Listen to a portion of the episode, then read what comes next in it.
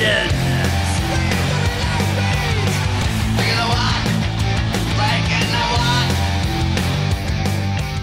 da. Yes, yes. Nei, men eh, Da må vi si uh, hei og hå, og velkommen til uh, episode nummer Ingen vet Det er ingen som vet helt. Ingen som vet helt. Det er ikke så viktig heller, egentlig. Se på, se på um, skjermen på podkastmaskinen din. Der står det nummeret. X. Nå, nå snakker jeg til lytteren, Bård. Oh, ja. de, kan, de kan se på telefonen. Ja, det er sant. Der, der står det Ja, Der står det episodenummeret. flott. Da fikk vi oppklart det Ja. med en gang. Veldig bra. Men det som Eh. også står på episode, ved siden av episodenummeret, Bård, det er jo gjesten vår i dag. Ja visst. Eh, Halvor Gårdløs, velkommen.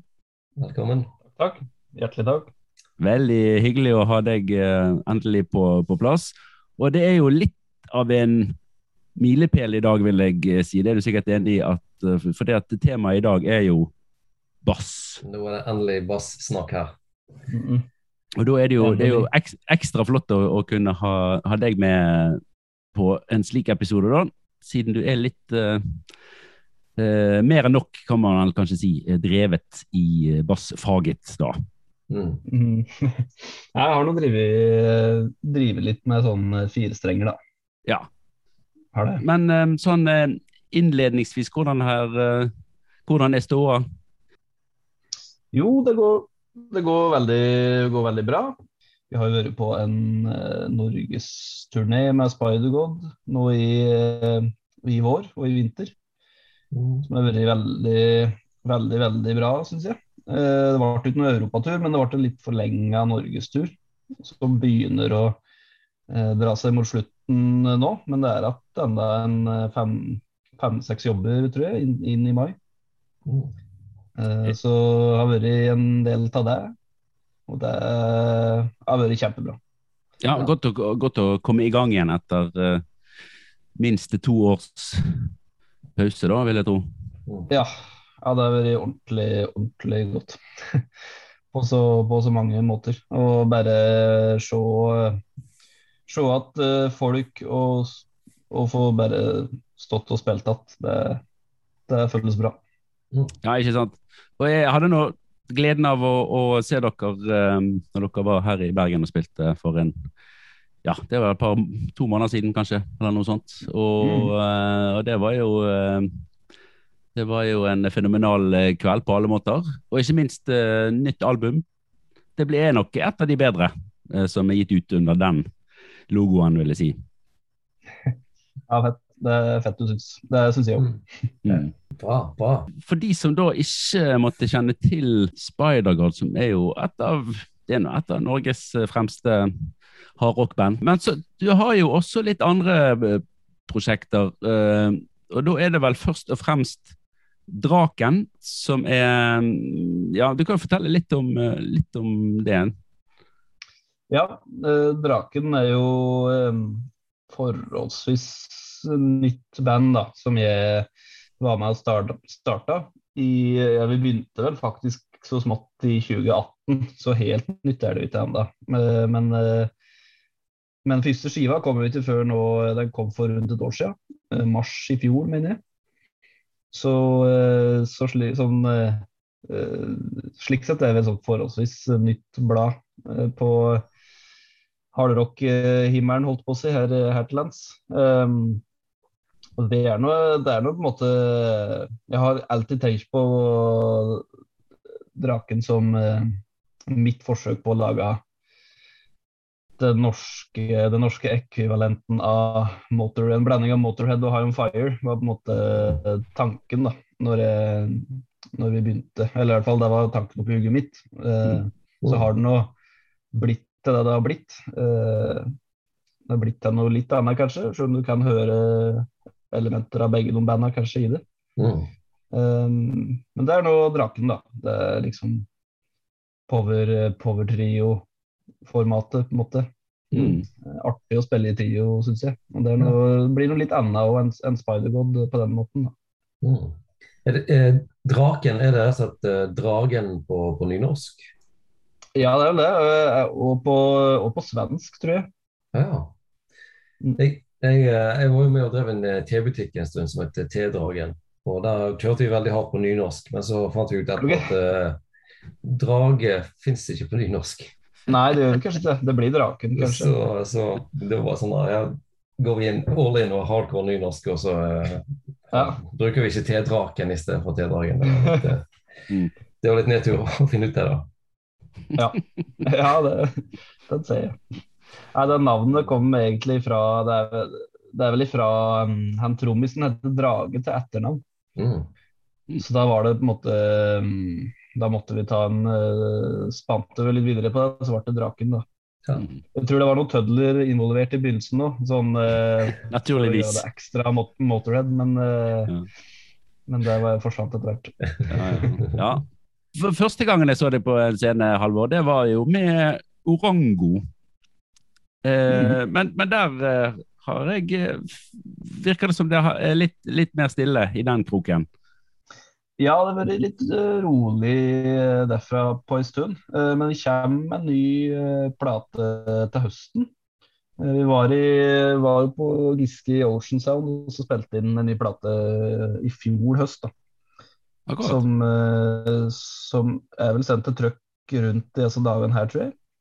Ja, vel. Eh, så, så da tipper jeg at den kommer eh, Det er planlagt at den skal komme til høsten. Mm. Så det rører seg litt der òg. Ja, veldig bra. Det var, det var jo kult å høre. Jeg har jo veldig sansen for, for, for alle disse bandene her. Så det, det er jo Mm. ganske Ja, du, du har jo da innenfor hardrocken eh, riktignok et ganske bredt eh, spekter. Orango er vel litt sånn i grenseland eh, selv der, men jeg, jeg velger nå å ta det inn i, inn i Ja. hardrock-folden, jeg, da. Mm. Ja. Ja, det, det, det går an, det.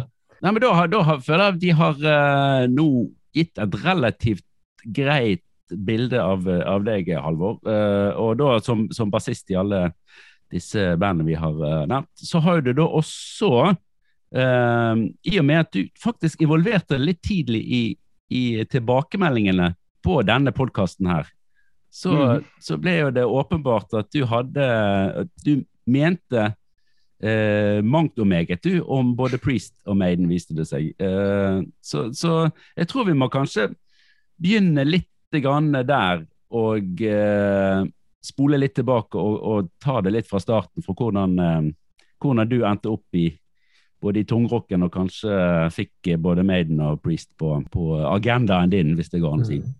Men, Mm. men eh, skal ikke vi protokollføre om man liker best uh, Priest eller Maiden? Vi kan selvfølgelig begynne med det helt uh, først. Så vi, begynner med det, med det viktigste. Ja, det, det, er jo, det er jo kanskje det. Jeg tenker at, at det kan være greit å få, få litt følelsen av hva vei det går, men, men, eh, men la oss bare få katten ut av futteralet. Gigbagen. Ut av gigbagen, ja. Ja, øh, det er jo et eh, utrolig vrient spørsmål, men, øh, men jeg må gå for Priest. Priest er, øh, det er favorittbandet mitt. Jeg har, drivet, jeg har tenkt, tenkt mye på det.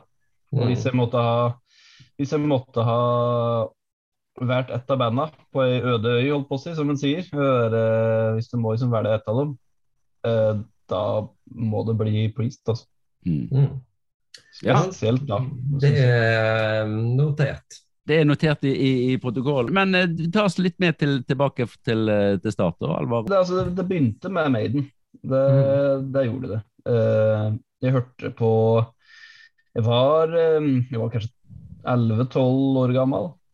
Eh, og var for så vidt musikkinteressert, eh, men ikke noe sånn eh, spesielt uh, mot rock, egentlig. Helt til jeg dere, førte, dere så mye på Swish på NRK2 etter skolen. Sånn der musikkvideoprogram som gikk Mm. Mm. stakk hjem igjen og så på Swish, og så kom den der Wildest Dreams-videoen til Iron Maiden, den første singelen fra Dance of Death, Mm. og første låta ut på den skiva.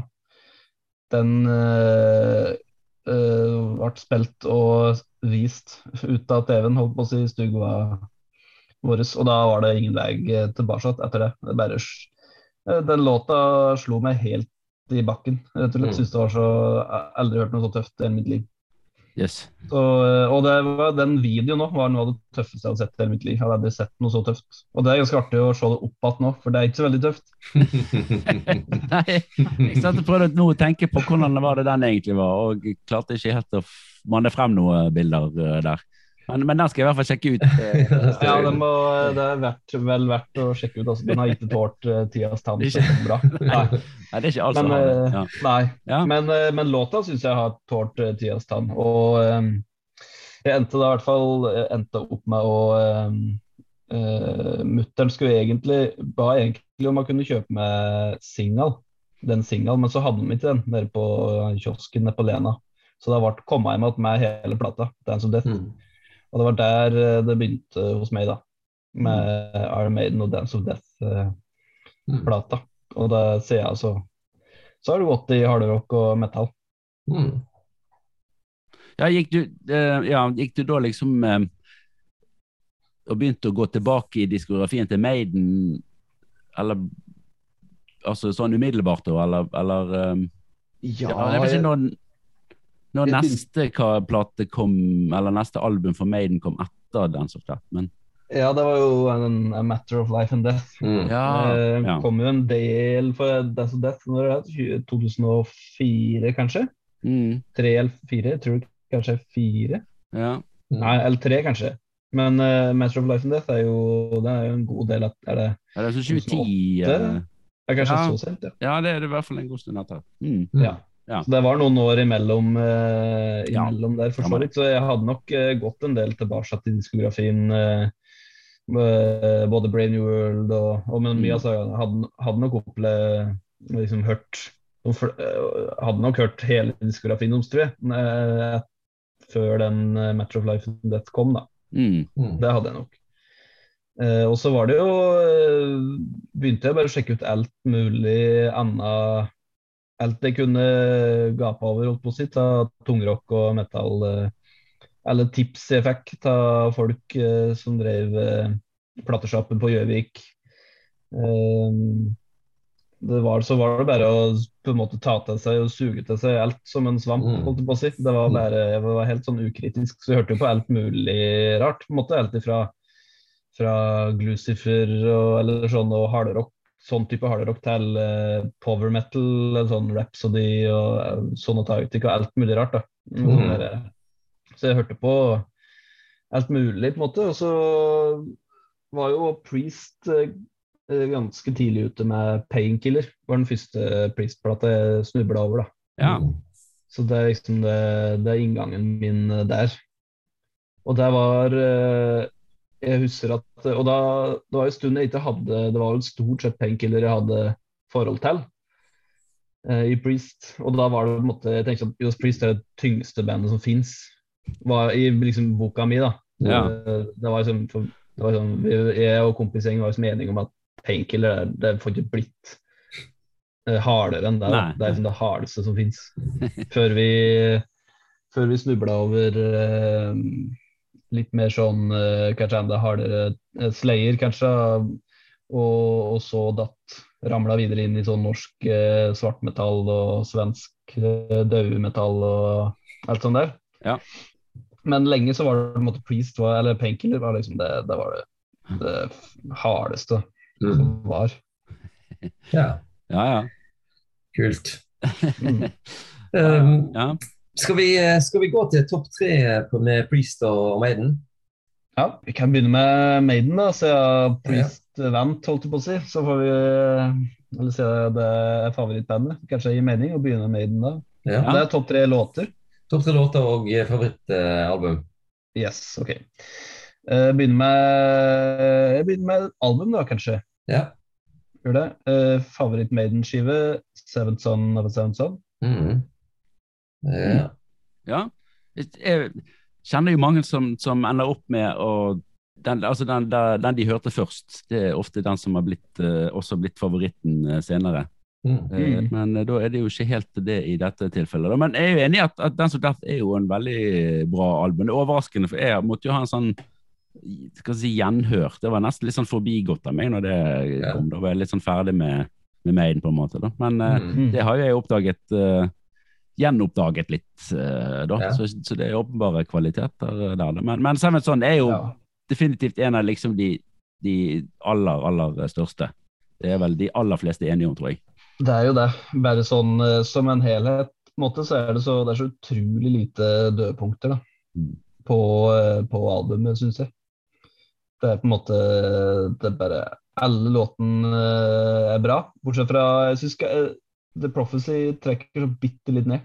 Den er ikke helt oppe der. Også, er, ellers er alle de andre kunne liksom vært på Best of Iron Maiden-liste omtrent, syns jeg. Noen topp, eh, I hvert fall topp 20 av låter omtrent. Jeg Ja, ja. Alt er kjempebra. Mm. Så den, uh, synes sånn, som, som et helstøpt verk, så er det veldig vrient å slå Seven Sun. Da. Ja, det er et godt poeng. Selv om jeg syns, uh, syns Dance of Death er uten tvil den beste plata eh, fra 2000 og opp. Mm. Mm. Og for, eh, nok I min bok så er nok den som detter den beste CS av Seven Jeg er ikke sånn kjempefan av spesielt Don Bruce-platen på 90-tallet. Det er liksom ikke helt min kopp med te. Nei. Eh, er ikke sånn uh... Ja, nei, de, eh, så jeg jeg har sett det, som detter ganske høyt, altså. Gjør det. Ja. Jeg òg har gjenoppdaget den det, når vi begynte med podkasten hørte gjennom eh, katalogen eh, noen ganger med, med Maiden, og da var jeg overraska hvor godt jeg likte Dance of Death. Mm. Så den, er- den, er- den, er, den er god, altså. Ja, jeg syns det. Det er læt bra og fine låter. Da. Mm. Coveret skal vi lage en egen episode av eh. Ja, ja den topper jo den topper ei liste sånn sett, ja. ja. Eh, Det verste coveret som fins. Men eh, hvis vi går på låtene, da, Alvar? Ja, eh, da tar jeg, har jeg satt på nummer tre, så har jeg satt ei låt fra Dance of Death, rett og slett. Eh, Mm. Rainmaker. Ja. Ja. Syns den er veldig, veldig bra. Ja, det, det ikke, den har vi ikke hatt på topp tre-liste før. Den, eh, den Nei. låten. Jeg tenkte det måtte med ei låt fra altså Death, og er litt nyere. Mm. Uh, og da jeg syns Rainmaker uh, den er, ja, det, jeg syns bare det er en veldig bra låt. Det er Åpningsriff, uh, melodier, kjempefine.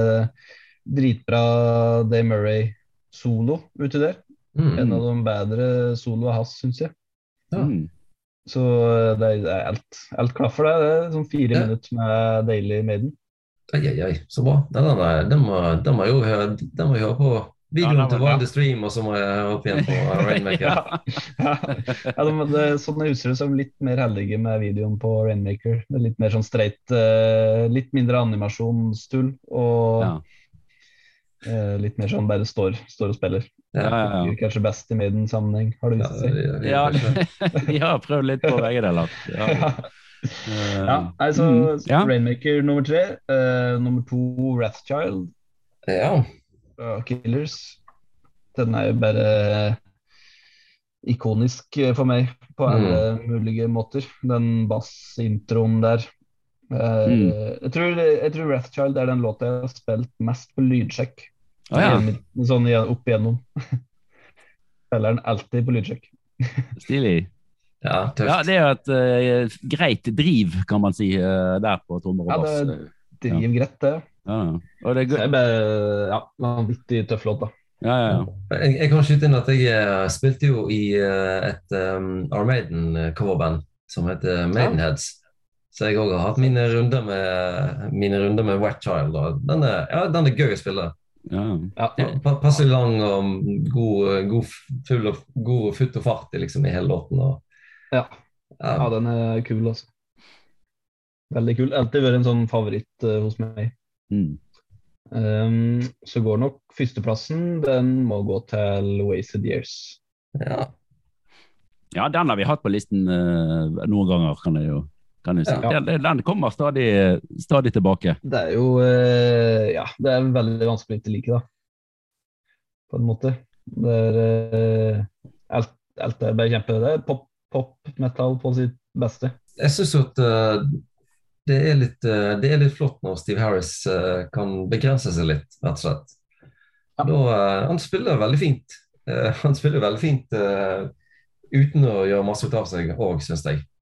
Han Ja. jo fint og gjør masse av seg, men eh, er stødig og god og en bra driv i denne Wasted Year. Så det kommer noen sånne små bastikk innimellom som, som passer å bygge litt opp under de overgangene mellom Mm. riffene og sånt. Så den, Ja. ja, den liker jeg jo veldig godt, Wasted Years. Ja, jeg liker godt sånn drivet i den, da. Og mm. ja, som du sier, han gjør jo ikke sånn de aller største krumspringa, sjøl om han gjør jo eh, nok på en måte til at det blir veldig det veldig kul bassing, syns jeg. Ja. Liker veldig godt altså, jeg krangla, eller krangla ikke, men diskutert med en uh, Kenneth i Spider-God. Tror vi har prata om det, den der, at uh, Nico gjør jo sånne der trommebrekk i verset Mm. eller på en måte utover fortsetter inn i neste verslinje og slik. Sånn, Mm. Spiller sånne forlenga brekk. Jeg syns det er kjempekult. da. Kenneth Mm. syns ikke det er så kult. Uh, mener at vi har diskutert det, i hvert fall. Kan ikke like fan av. Jeg syns det er veldig sånn, synes det er veldig stilig. da. Gjør noe litt utafor når-boksen, på en måte. Ja, ja. ja. Synes det er stilig. ja og det, må, det må vel nevnes at, at eh, Kenneth Karpstad også er en relativt eh, eh, stor Maiden-fan. Ja. Jeg, jeg synes Det høres ut som en, en ganske viktig diskusjon dere har hatt uh, her, og at den, den helt sikkert ikke er ferdig er snakket. Nei, den, eh, det kan jeg love deg at den ikke er. Vi blir aldri ferdig med å diskutere Maiden og, og Priest. Nei, nei, nei. Veldig, Vi har, eh, det er tips for så, forresten til uh, Dere må ha en, tromme, en sånn trommespesial med Kenneth. Ja, det har vi egentlig allerede tenkt på. Det kommer kanskje Ja. Skal vi kanskje flytte til, til Bergen eh, i løpet av eh, året, så vidt jeg har skjønt det på Mm. Ja. papir. Så, så, eh, så da blir det jo kanskje naturlig å få han live i studio. Ja, Mm. det, det må dere få til. Da er det vel kanskje på tide å eh, komme seg til, eh, til Priest ja. og listen eh, der, Halvor. Mm. Yes, da begynner jeg med plata der òg. Det eh, 'Screaming for Vengeance'. Mm. Tar uh, førsteplassen uh, hos meg. Da, er vi, da er vi to. Ja, ikke sant? Bra. Er dere to. Ja, er vi ja. to. Good for you, guys. ja. Ja, nei, men det er jo, eh, det er jo åpenbare grunner for, eh, for det. Mm. Eh, Temmelig helstøpt eh, Ja. plate og klassisk Priest. Ja. Det er et eller annet med helheten på den plata som er så utrolig bra, syns jeg. Mm. Bare hele skiva. Jeg syns det er veldig lite sånn dødpunkter på den nå. Jeg syns det er kult eh, helt tvers igjennom, egentlig. Ja. Og så, syns jeg det er så um, Det er jo litt interessant hvordan de har gått fra Point of Entry til eh, Scream for Vengeance. For det var Mhm. sånn uh, På British Steel så fant du jo altså Da ble du liksom nesten beskylda for uh, å dømme down Priest for liksom å nå litt bredere ut til, til flere. Så det er jo Mhm. veld, veldig enkle og, og veldig enkle og rett fram ting som er på, eh, på British Steel. Og, og Mhm. kanskje enda mer på, på Point of Entry. Men så har de liksom beholdt det der um, de, Noen av de litt sånn enkle, fengende elementene har de beholdt, samtidig som de har tatt tilbake igjen litt, måte, litt av den komplekse låtstrukturen sånn som de hadde tidligere i karrieren. Ja. Så den um, uh, tittellåten Der er det jo uh, Er det fire eller fem tema før, før verset begynner? Altså det er sånn Mm. fire introer, så begynner verset. Så det er veldig sånn eh, kult komponerte eh, låter der, altså. Det, det, er det, som, eh, det er det som fenger meg der og, og der, at det, det er så godt gjort hele veien. Ja. Jeg er enig. Jeg syns òg det er den derre miksen eller man skal si, mellom på en måte 80- og 70-tallsprist som Mm. eh, det, er- det er på en måte den Den skiva her er jo litt sånn i krysningspunktet. Eh, både låtskrivermessig, som du er inne på, og litt sånn sound. Soundet på, på plata. Og for de er ikke helt på Defender, så er de helt inne på 80-tallet. Ja. Jeg lett trommen sant, 80-talls, veldig 80-talls. Men uh, på Screaming så har de enda litt av den der uh, Litt av den 70-talls uh, estetikken att i trommen og, Mm. eh, og litt, Det er jo egentlig sånn et eget sound. egentlig, Tidlig 80-talls trommesound, syns jeg. Eller at, jeg syns trommelyden er veldig kul da, på Screaming. Og eh, det er ja, det er det krysningspunktet mellom, mellom 80 og 70-80, da, kan du si. Mm. Det, den lät lät veldig bra, og som du sier, bærer, bærer veldig mye bra låter. Mm. Ja, det ja, det er en flott plate. Ja. Bra, bra, bra.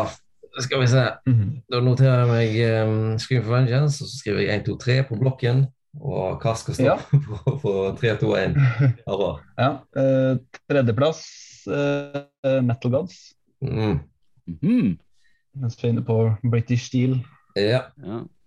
Er det er det, er det, det der uh, marsjtempoet du liker uh, på den, eller er det Ja, jeg liker Jeg syns alt Eller sånn sjøl om Eller jeg syns på en måte Jeg, jeg syns den gruven er Ja. utrolig kul, ja. Jeg syns det. Mhm. det.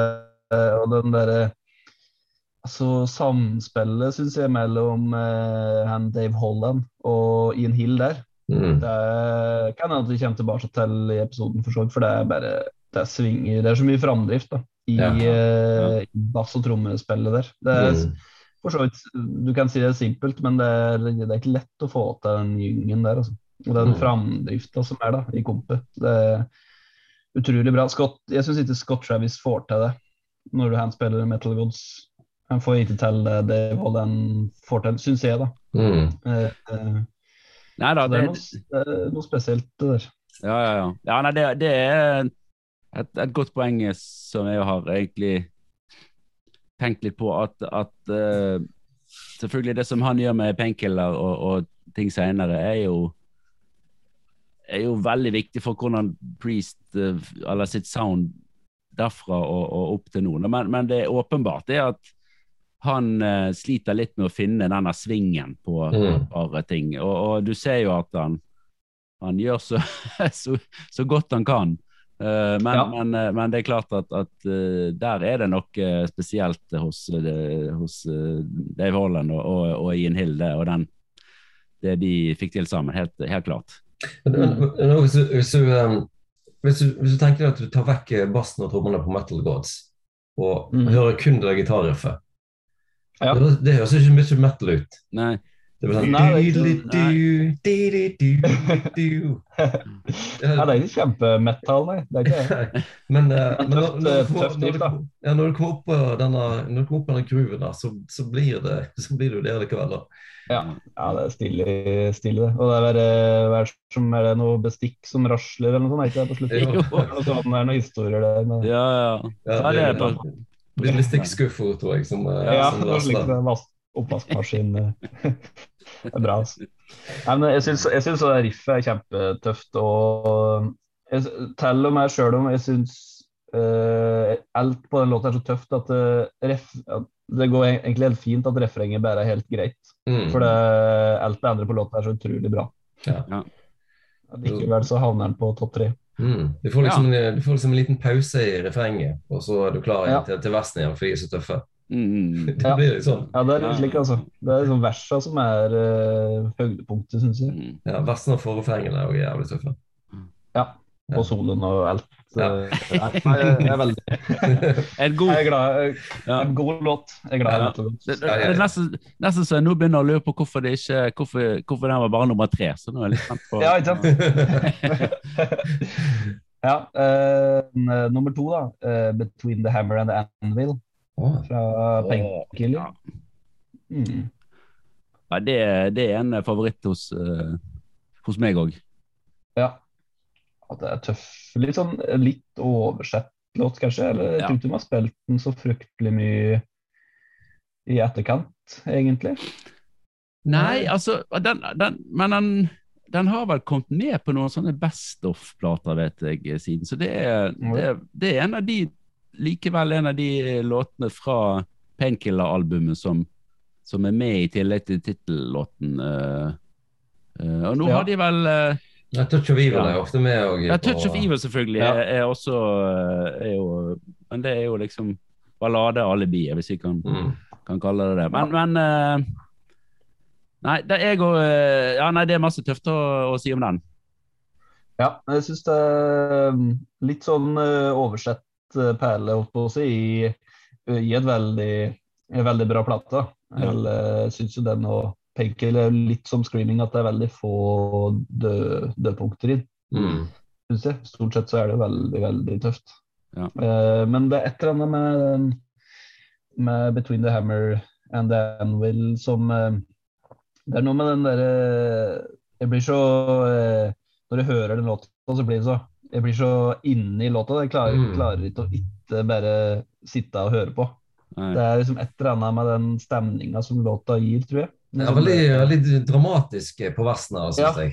Ja, han synger jo utrolig stilig på, på Ja. den. eh, da. Mm. Ja. Dritkul eh, synging. Og liksom gitarspill og Ja, det er litt sånn det, det er sånn veldig dramatisk, som du sier. Ja. Ja, det er Eh, du, det er et eller annet, et eller annet sjukt som skal skje. på en måte, Ja. Som du bare sånn Hva faen er det som skjer nå? ja. Eh, nei, den, den, den blir jeg veldig sånn eh, Den griper meg veldig, da. at Du har den introen der som, sånn, som, som da kommer igjen ja, ja, ja, Jo mer jeg tenker på det, eh, for en tøff låt, altså. Ja. Du kommer inn i det intropartiet som kommer igjen, og så kommer soloen som bygges opp. Ja, nei, det Den, den skal jeg høre på etterpå. Det skal jeg sette Ja, det må jeg gjøre. Hørte på den i dag tidlig sjøl, faktisk. Åh, Jeg satt på vei på flybussen eller hva det var for noe. Da, Ja, ja, ja. det, det er så tøft. Ja. Eh, og så komposisjonsmessig også, er det, sånn, det er litt sånn komplett eh, komposisjon. Ja. Mm. Mm. Alt er bra. Så ja. nummer to. Det var nummer to. Og nummer én Eh, nummer én, kanskje tidenes tøffeste metallåt må være The Sentinel. Åh, Ja, den er tøff. Ja. Det får ikke, det får ikke blitt tøffere i boka mi, tror jeg. Nei, den- Sworn to avenge, condemned to hell. Det er så utrolig tøft. Den har uh, jo absolutt alle elementer du kan kan uh, tenke deg. Mm. Ja. Jeg husker når, når vi var, eh, De spilte jo på, den, eh, på Sweden på denne Epitaph-turneen. da.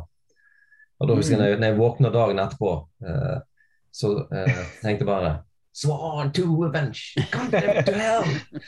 Det, var den, det var den låten som satt igjen etter den settet, for det var, det var så utrolig fett når de spilte. Altså.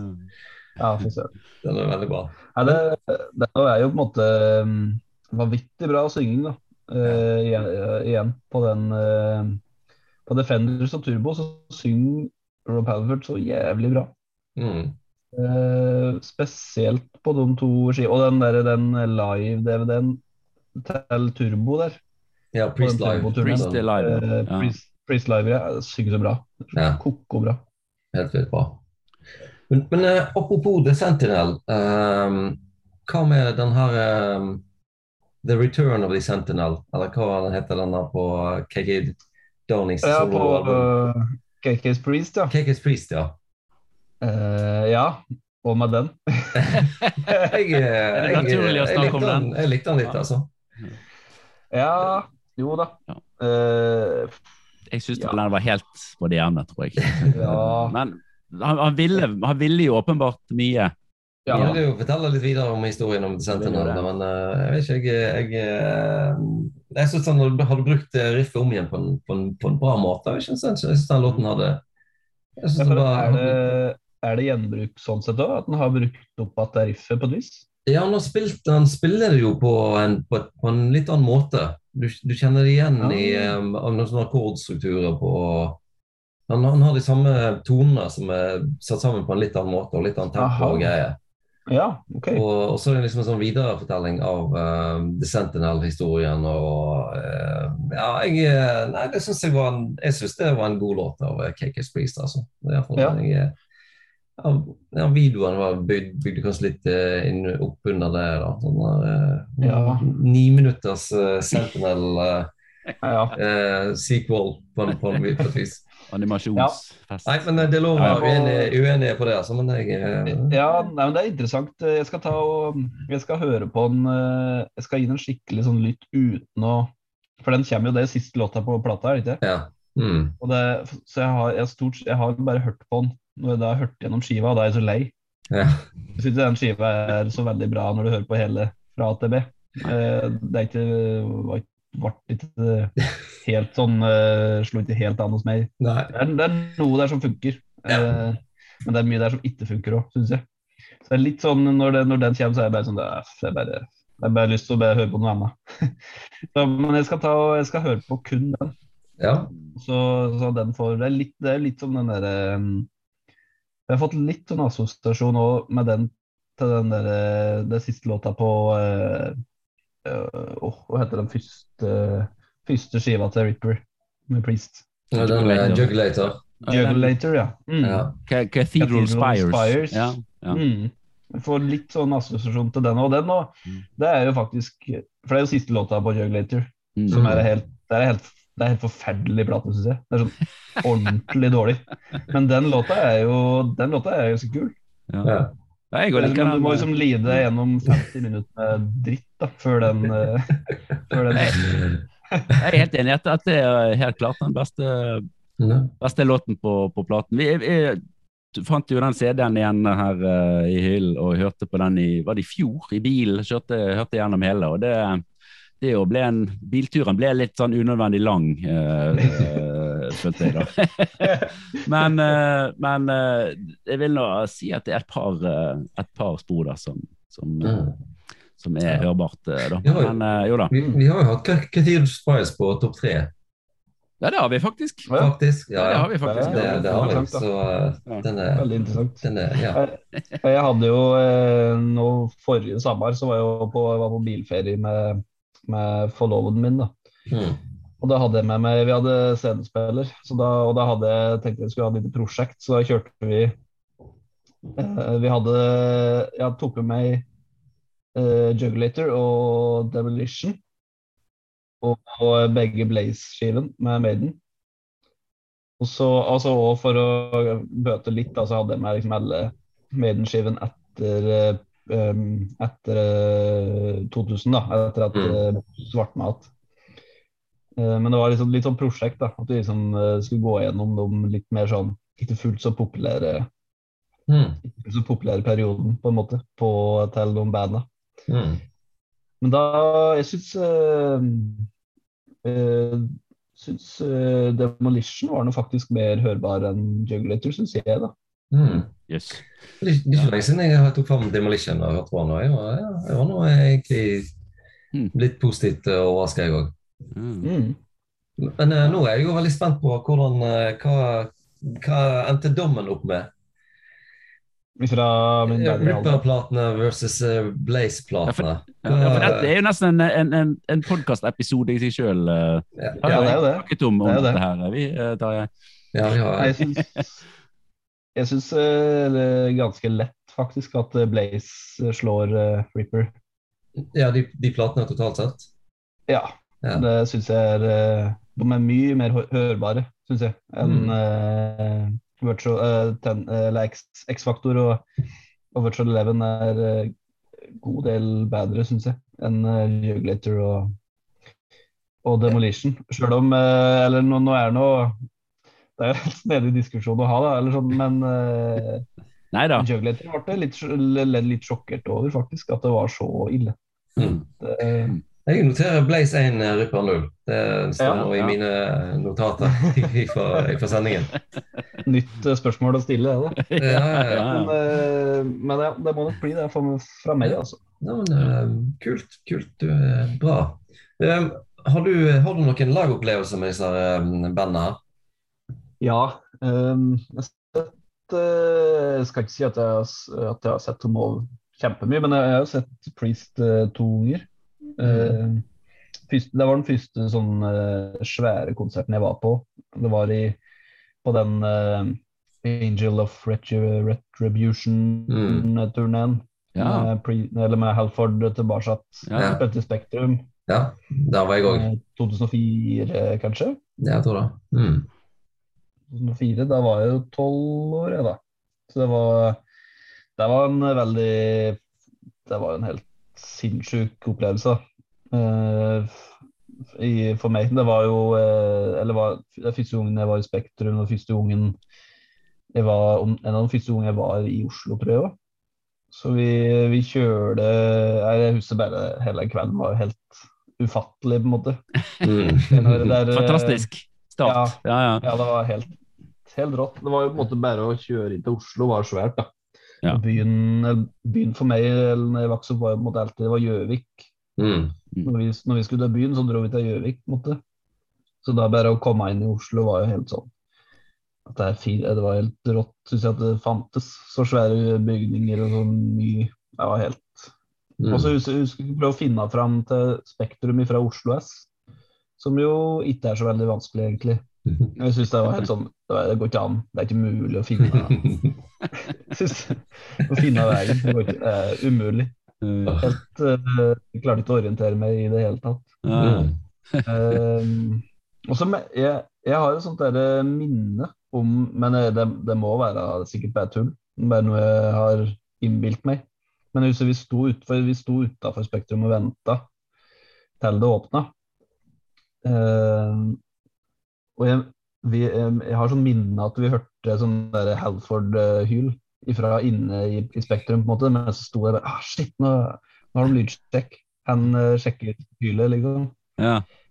Jeg vet, jeg vet ikke om det. Jeg tviler kanskje på at de eh, lydsjekker sjøl.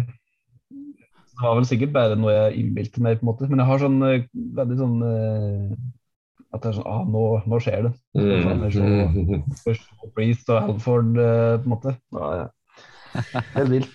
ja, flott. Jeg syns, øh, jeg syns den Jeg var i ekstase hele konserten. Det, men det kunne Jeg vet ikke, de kunne sikkert ha spilt De kunne ha spilt kjempedårlig, og jeg syns det hadde vært det beste noensinne. På Det var jo bare helt, helt i ekstase. Ja. Nei, de var veldig gode på konserten. Altså. De var tilbake igjen eh, med ny plate og Mob Halford. Og det, det, var, det var trøkk i bandet da, altså. Mm. det var en god konsert. Ja, det var svært, altså. Svær Mm. opplevelse for meg. Og så så jeg dem att i Spektrum òg nå i 2019, var det vel, da. Mm. Eh, På Firepower-turneen. Ja. Som jeg syns var veldig bra. Mm. Ja. Syns jeg var skikkelig, skikkelig opptur. Han sang eh, Halford sang veldig bra, syns Ja. jeg. Og kul settliste, og uh, Richie Faulkner spiller jo helt vanvittig bra gitar. Det var jo eh, det var, Jeg var jo litt sånn åssen skulle dette gå uten Tipton og uten uh, Downing, men det, Richie fikser det, han. Ja da, han har åpenbart reddet, reddet mye uh, i bandet der. Det, det får han kanskje ikke nok kred for, men, men det er jo åpenbart at han har, at han har gjort. Men, men det der må jo ha vært samme konserten som vi da så på Sweden Rock, eh, sikkert bare noen dager før eller etter. Ja, det, det var det nok. Mm. Så, um, så det eneste, eneste nesten som var dumt, og det er ikke det ofte du sier, eh, eller man sier om konserter, det er det at de kunne spilt flere låter fra den nyeste platen sin. Det var faktisk Mm. Eh, men, men det var faktisk sånn at jeg sto og håpet på enda flere fra, fra den. Men Mm. eh, Ja. Jeg er helt enig. Eh, Det er jeg tenkte på det, jo. For de spilte vel bare en tre, tre kanskje fire låter fra skiva, tror jeg. ja, Det ja. jeg tror det er noe sånt. Vi sjekket vel på Det er jo, det er jo ganske snaut når det er en plate på 14 låter. Ja. Mm. Så burde du i hvert fall ha med en seks låter, syns jeg. Fra nye, og når det er såpass mye bra òg ja, ikke minst. Det var Og- mest igjen. på den plata. For det er jo veld, alt, det er veldig mye bra på den, syns jeg. Ja. På. Firepower.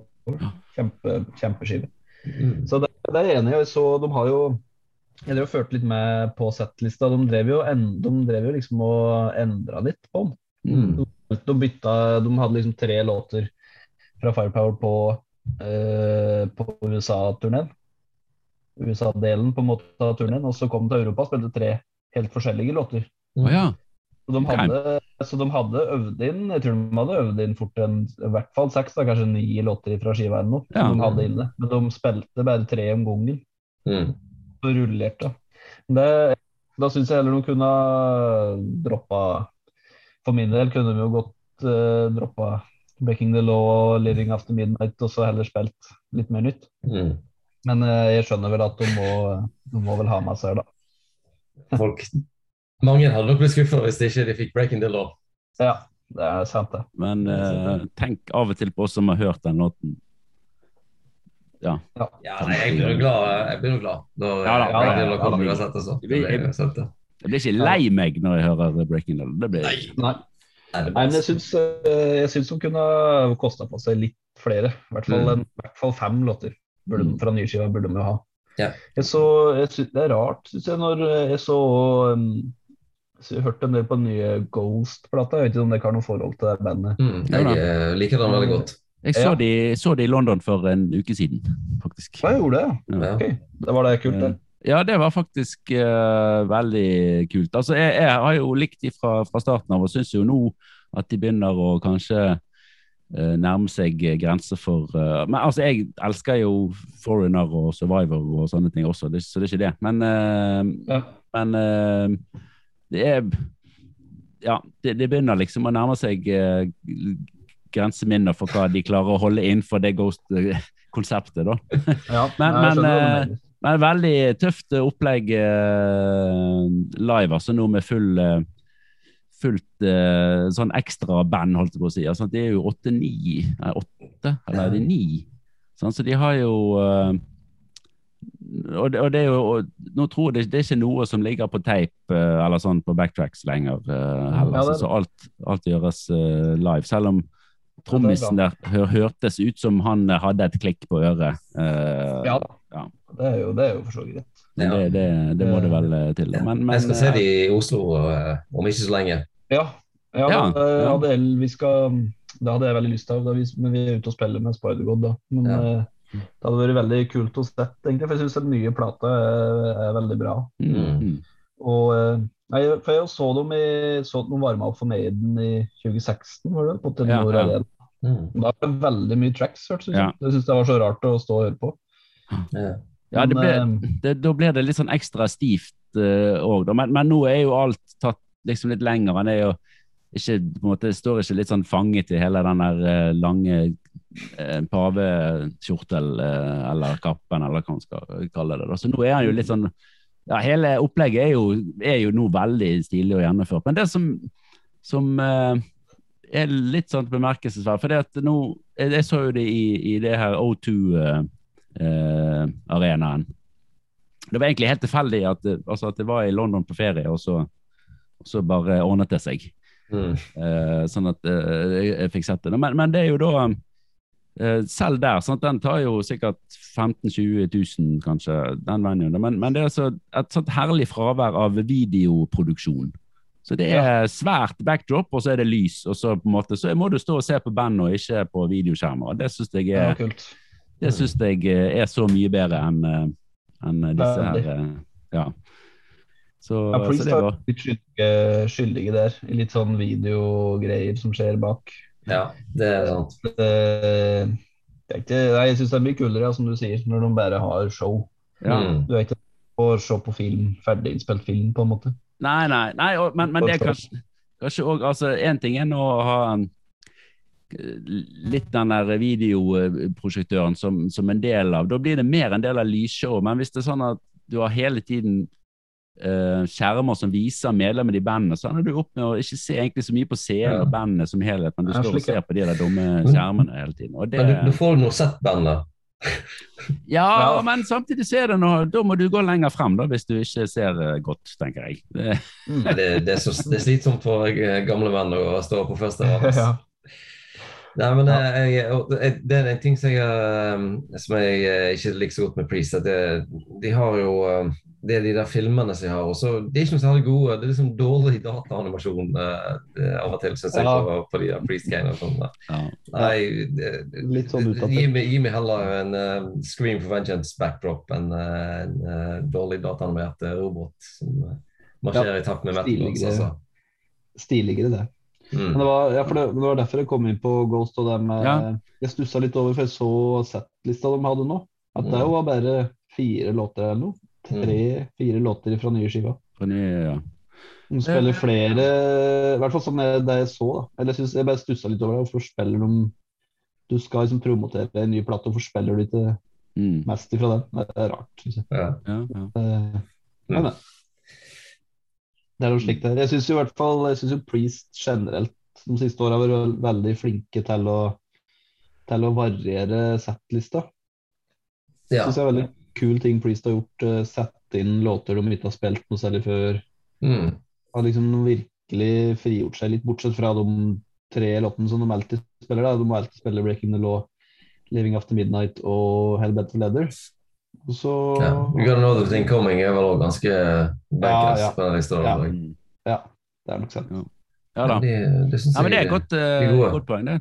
Og, og Mm. jeg vet ikke om det Det begynte i hvert fall virkelig med den der uh, Epitaph-turneen. Ja, Ja. Det virket så de fikk litt sansen for det sjøl òg. Ja. de er flinkere enn en Maiden, syns jeg. Takker. Ja, det er det. altså. Har, har, du, har du spilt på noen um, festivaler der enten Priest eller Maiden har spilt? og Har du, har du truffet på noen av disse folkene?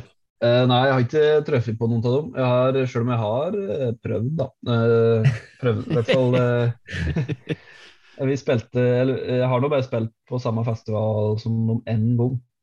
Eh, på, vi spilte med Spider-God på Tons Rock i 2018, var det kanskje? Mm. 2018. Ja. Og da Jeg tror det var 2018. Og ja, da- siste året i Halden, eller? Nei, nei Tons Rocks er eh, Trondheim Rocks. Å ja, ja. ja. oppe i Trondheim. Ja. Eh, det var 2018, og da spilte vi Da var jeg og Kenneth og en, en som heter Ketil Nikolaisen, som gjorde lyd for uh, Spider-God da vi var uh, oppe på scenen på Maiden-scenen og liksom, sjekket, liksom luska bak. Uh, ja. Så, så der eh, Bruce uh, bytte kostymer og wow. og var bak i trom, trommesettet og snikk og litt sånn bak i kulissen. da Ja, kult. og kikka, så på den uh, tekken til Steve står og styrer. Og. Det, var, det var artig. Ja. Ja. Eh, og så Den konserten og så prøvde jeg Jeg var ute og så dem også når de, var, når de drev på siste låt. og så tenkte jeg sånn, det må være, prøvde å forte meg bak da, for å prøve å i hvert fall få, eh, om ikke helse på dem, i hvert fall prøve å se dem da, men som tusler ut Mm. på scenen. Men det var, eh, det var noe eh, Jeg kom meg ikke fram. Jeg tror det var noen politibiler som sto i veien. Jeg tror de bare gikk rett fra scenen ut i noen biler og rett på hotellet. Så jeg Ja. fikk ikke var ikke sjans. Mm. Men jeg prøvde. Ja. Så, bra. er jo, eh, så skal vi jo spille igjen med, med Iron Maiden nå på Tons, da. På Tons Ja. I, i sommer. i Du får ny sjanse, vet du, Ja, eh, i sommer. Ja. Ja. Og så skal vi jo spille Vi skal spille på Vakken nå med Spider-God i august. Ja. Og da spiller Priest eh, Da spiller og Priest Jeg vet ikke om vi spiller samme da, men eh, Nei. Nei, jeg vet ikke om Vakken i, i, i år blir sånn to uker, sånn som uh, Hellfest og disse andre som skal liksom ta igjen. ja. Eh, men, Ja, eh, så, så det kan jo godt være at de spiller uken før dere. Uh, det kan være. men, men er du heldig, så er det jo samme dag eller dagen før. Så, Ja. Ja. Plutselig får du hilse på Ian Hill. Ja, du vil ikke, Ja, ja, ikke gi opp? Nei, jeg skal, jeg skal ikke gi opp, nei. Jeg skal, skal prøve å få, få møtt, møtt noen av dem. Et tips, eh, artig tips. Følge eh, Ian Hill på Instagram. Han har en Instagram-konto. Jeg vet ikke om dere visste det. Nei, den eh, må jeg følge med en gang.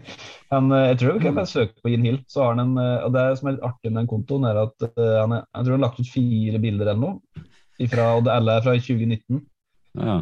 eh, på norgesferie med Oi. familien. Jeg har lagt ut bilder fra sånn julemarked eh, i Spikersuppa i Oslo. Oh, Og, eh, og fra Vikingmuseet og litt like ute på Bygdøy.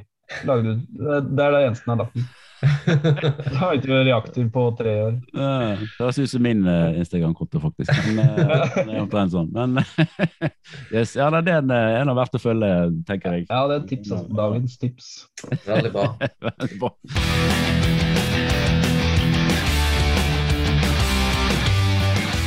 Nå skal, vi, nå skal vi snakke litt om eh, bassing her, tenker jeg. eh, Yes. Så um, bare sånn for å sette litt, uh, sette litt uh, hvem som er de store bassistene for deg, siden jeg òg er bassist, så tenkte jeg sånn her, hva er de topp tre, dine topp tre bassister? Jeg kan, uh, jeg kan begynne med mine topp tre bassister, da. Dette har jeg tenkt litt på. Um, så hvis jeg begynner på tredjeplass, så tror jeg eh, jeg må ha Steve Harris på, på tredjeplass. Eh, det, som, en, eh, som en ung eh, ja, 12-13 år eller noe annet, da jeg begynte å spille bass, så var det jo eh, eh, Jeg spilte eh, ja, jeg Hørte litt på Priest, men eh, når jeg hørte bassingen til Steve Harris, så var det jo den jeg hadde lyst til å, å, etterligne. Eh, Mm. Så det var liksom når du skal sitte og øve på bassen, så er det litt sånn det gøyere med Rame of the Ancient Mariner eh, å prøve å få den til enn å um, spille bassen på Breaking the Law eller noe annet eh, sånt. Eh, så jeg, har, jeg har spilt mye Steve Harris. Så tror jeg på andreplass er det um, Cliff Burton. For det traff jo på en måte Mm. midt i, eh, i eh, måte, utviklingen som bassist. Da jeg Mm. allerede allerede hadde etablert at jeg syntes det var kjekkest å spille med fingrene. Um, så Mm. syns jeg at han spiller utrolig tøft. Selv om uh, nå, nå i, i en senere tid, når du får sånne isolated bass, bass tracks på, på uh, YouTube utrolig mye rare greier uh, han uh, Cliff Burton spiller. Jeg vet ikke om du har hørt sånne isolerte bassbord fra Master of Puppets? Det, det, Jo, det, Ingen, Jeg har hørt litt. det er ikke altså Det er en låt som jeg har spilt mange ganger med, med det her coverbandet mitt, men jeg har aldri hørt hvordan bassen går. Altså, den, den går ikke sånn som jeg hadde trodd den skulle gå. Nei, nei. Ganske langt ifra. Nei, det er litt, Ja. litt spesielt å høre på noen ganger, det der, ja. Det er Ja, det er litt eh, interessant òg med noe Maiden, eh, isolert bass og tromme. Mm, Eh, en del Maiden-ting der òg som jeg syns var veldig interessant å høre. mm. Ikke nødvendigvis, nødvendigvis så tight som jeg hadde trodd, men, men veldig tøft, da. Mm. Og det, og det, er jo en sånn ting som jeg tenker på med denne bassingen til Steve Harris. dette Uh, uh, nå husker jeg ikke navnet på det, dette fenomenet, sant? men hvis noen uh, du, du, har jo studert musikk. Sant? Hvis noen eh, synger alle notene i en skala, bortsett fra den siste, mm. så hører du den siste i hodet. Ja, vet, det, det, er den naturlige fortsettelsen. Og Det er et par av eh, disse løpene til Steve Harris der jeg tror han spiller du, du, du, du, du, du, du, du. Men så spiller bare du, du, du, du, du, du, du. Og så de siste to tonene de konstruerer bare hjernen min pga. Uh, måten som det løpet, løpet går på. Så Mm. når, når, jeg, når jeg hører de eh, bassriffene hans, eller bassgangene, så, så jeg, jeg tror ofte jeg hører de mer vanskelige enn de egentlig er. Eh, Mm. Og at det, det er flere toner der enn det egentlig er, faktisk. Så det er jo det er bra, det er bra magitriks. Mm. Men så min eh, nummer én eh, inspirasjonsbassist, det er jo eh, Gisa Butler. Han syns jeg er den tøffeste av de tøffe. Den, og det er jo litt sånn slentrende, avslappa stil, men likevel bra med vandring opp og ned halsen og ja, Står for seg sjøl og basser, og de andre spiller et eller annet rundt omkring. Så låter det liksom bare fett likevel. Ja. Så det, er- det, er sånn cirka det, det, det er de som jeg eh, er mest glad i. Men så må jeg si at um, jeg har blitt veldig fascinert av han bassisten i Free. Uh, nå husker jeg ikke navnet på Ja. faktisk. Er det Frazier? Ja, stemmer det. Mm. Han har blitt veldig Ja. fascinert med de siste årene. For han eh, spiller egentlig Han spiller veldig økonomisk og, og tøft og, og, og groovy. Og likevel så er han Veldig. Og så har han, men så er han liksom oppi der og gjør noen sånne gøye løp. Eh, sånn Mm. den All Right Now, så er det den, de lyse tonene der er jo veldig oppfinnsomt. da. Ja.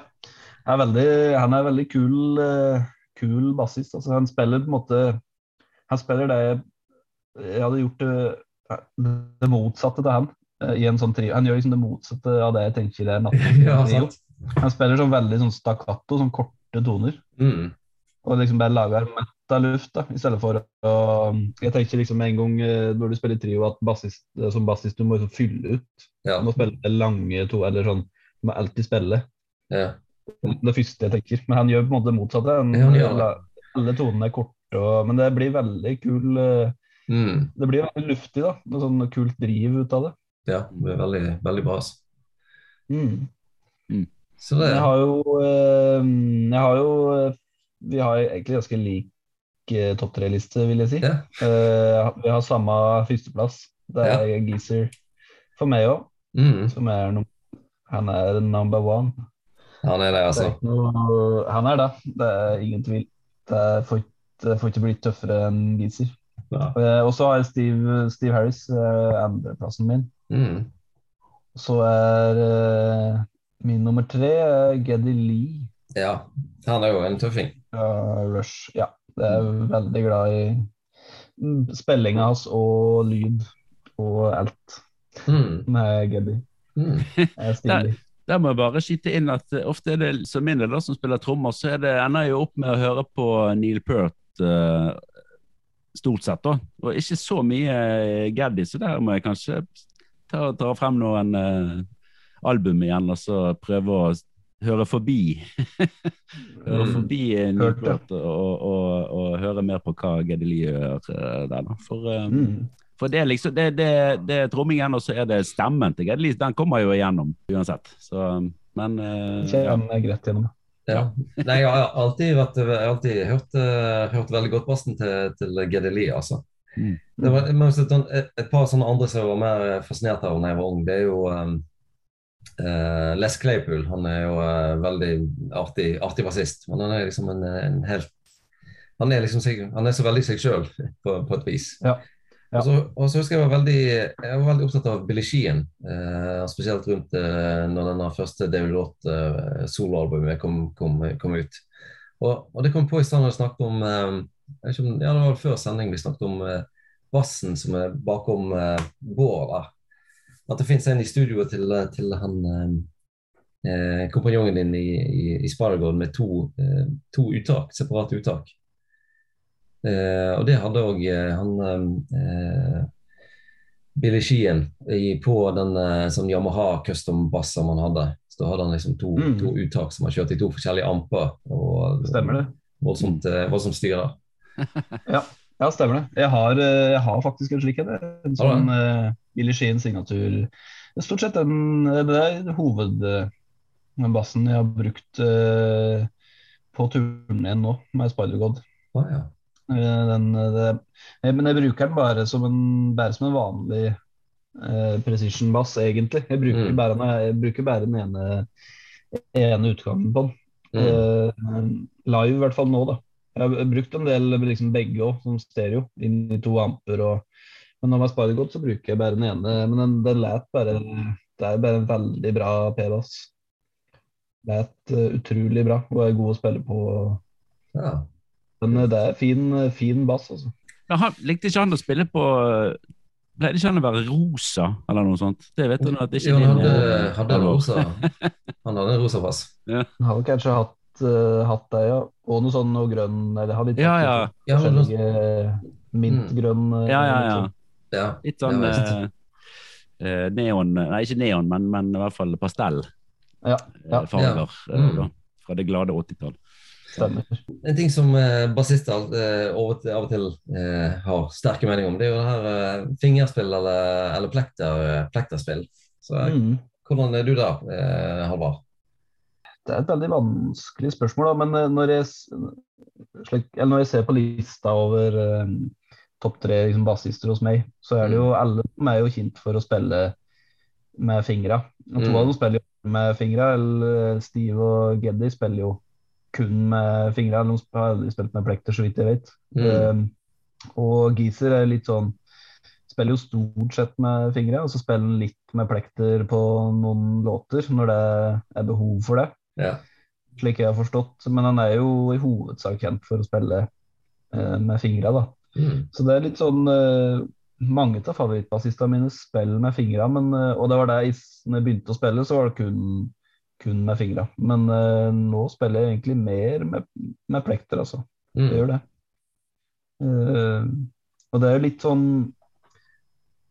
Det har på en måte kommet på grunn av at det, det, det I de bandene jeg spiller, så er det det som høres best ut. Ja. Når når jeg har liksom testa litt, og sånn som i Spider-God, så er det Det læt riktig, da, med plekterbass, Mm. rett og slett. Og i Draken nå er det i all hovedsak så er det på en måte plekter det går i. Det er det som, som læt som læt best. Så det har på en måte kommet i sprunget fram av behov, eller hva skal jeg si, eller av på en måte bare sånn Har måttet krype til korset. og bare sånn eh, Ja. Syns det har, løpt til best. Eh, ofte, da, med plekter. ja, ok. Men Jeg, det spørs jo veldig på hva slags ånd en vil oppnå. ja, det er sant, det. Det, jo det. det er jo bare to øh, Jeg tenker jo Den sunneste måten å se på det på, er jo bare at det er om du spiller med fingre eller med plekter, det kommer an på. Det er bare to ulike verktøy du kan bruke til å Mm. oppnå det du skal. Holdt på å si. Mm. Ja, det er sant. Eh, Ja. Ja nei, jeg, er nok, jeg, er nok, jeg er ganske hardcore på å bruke fingrene. Altså. Eh, Mm. Det er noen låter eh, jeg har, Men det av og til jeg finner plekter, kanskje, hvis jeg skal være veldig sånn dempa chugging, Mm. så funker jo egentlig eh, plekter stort sett best. da. Eh, Mm. Ja, nei, for det, det er jo en forskjell mellom um, Harris og, og Hill.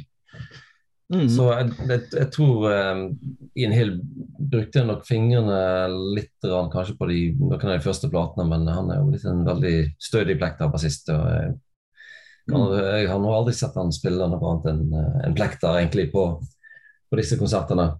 det, nå er det nok eh, de siste 40 åra, så er det vel Plekter det har gått i. Ja, jeg tror det. Det det. Men han begynte jo Hill er jo på en måte interessant, syns jeg, i den forstand at jeg føler at han er en bassist som eh, Han har kanskje litt som eh, Jeg kan kanskje kine meg litt att i det. At han har på en måte Han har bytta eh, på grunn av at det var det bandet han spilte i, trengte. Mm.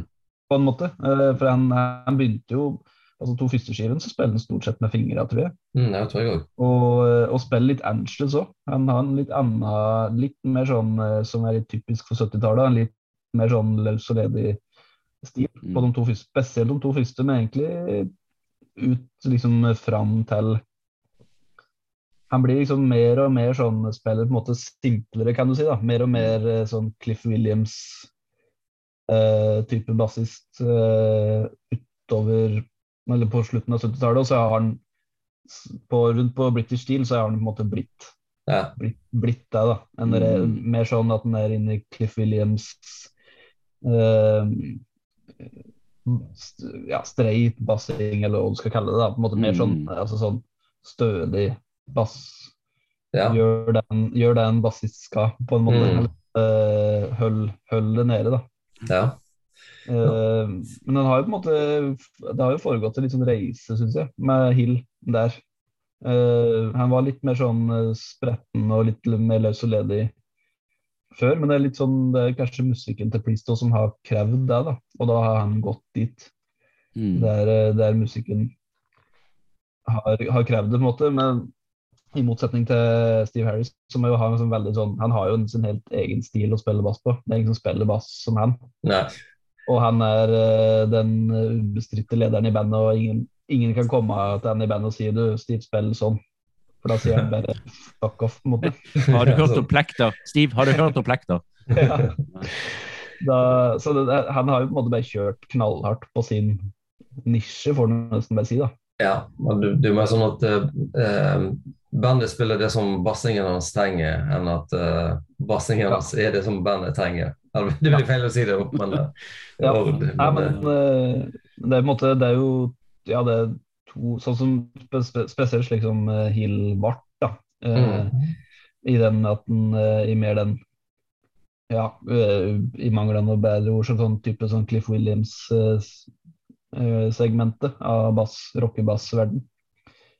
Uh, så det er jo Ja, men det er bare at det er en veldig stor, stor forskjell da, på, på stil og Ian Hill sånn stilmessig. Det er sånn ja, to hele verdener, egentlig. det er det. Men jeg kan vel si at, at begge kom litt fra, fra Giser-skolen, og så eh, og så der Hill eh, strammet, strammet det veldig opp. eh, Så, så han har egentlig Steve Harris bare Eller han har jo strammet opp, han òg, men, men i en annen retning. Mm. Men, men det, som jeg, ja, det som jeg tenker på, det er jo at på, på Stained Class og, og Killing Machine så, så pusher jo Priest fram det som vi kjenner som heavy metal-lyden i dag. Sånn Da kjørte de på, da, da var det på en måte sånn spisse, kalde gitarer. I, i, I motsetning til måte, den varme, fuzzy eh, 70-tallslyden. Og da, da gir det jo egentlig mening at eh, som en del av å på en måte prøve å utforske det lydbildet som ennå ikke var helt måte etablert. Som, som jeg syns som jeg syns at de på en måte etablerte litt den rett fram harde, spisse lyden, heavy metal-lyden. At, Mm. uh, at, at, eh, at du da fikk på en måte plekter og demping og mer en sånn massiv uh, uh, gitar- og bassvegg som en del av det lydbildet som de, som de bygde på de to platene.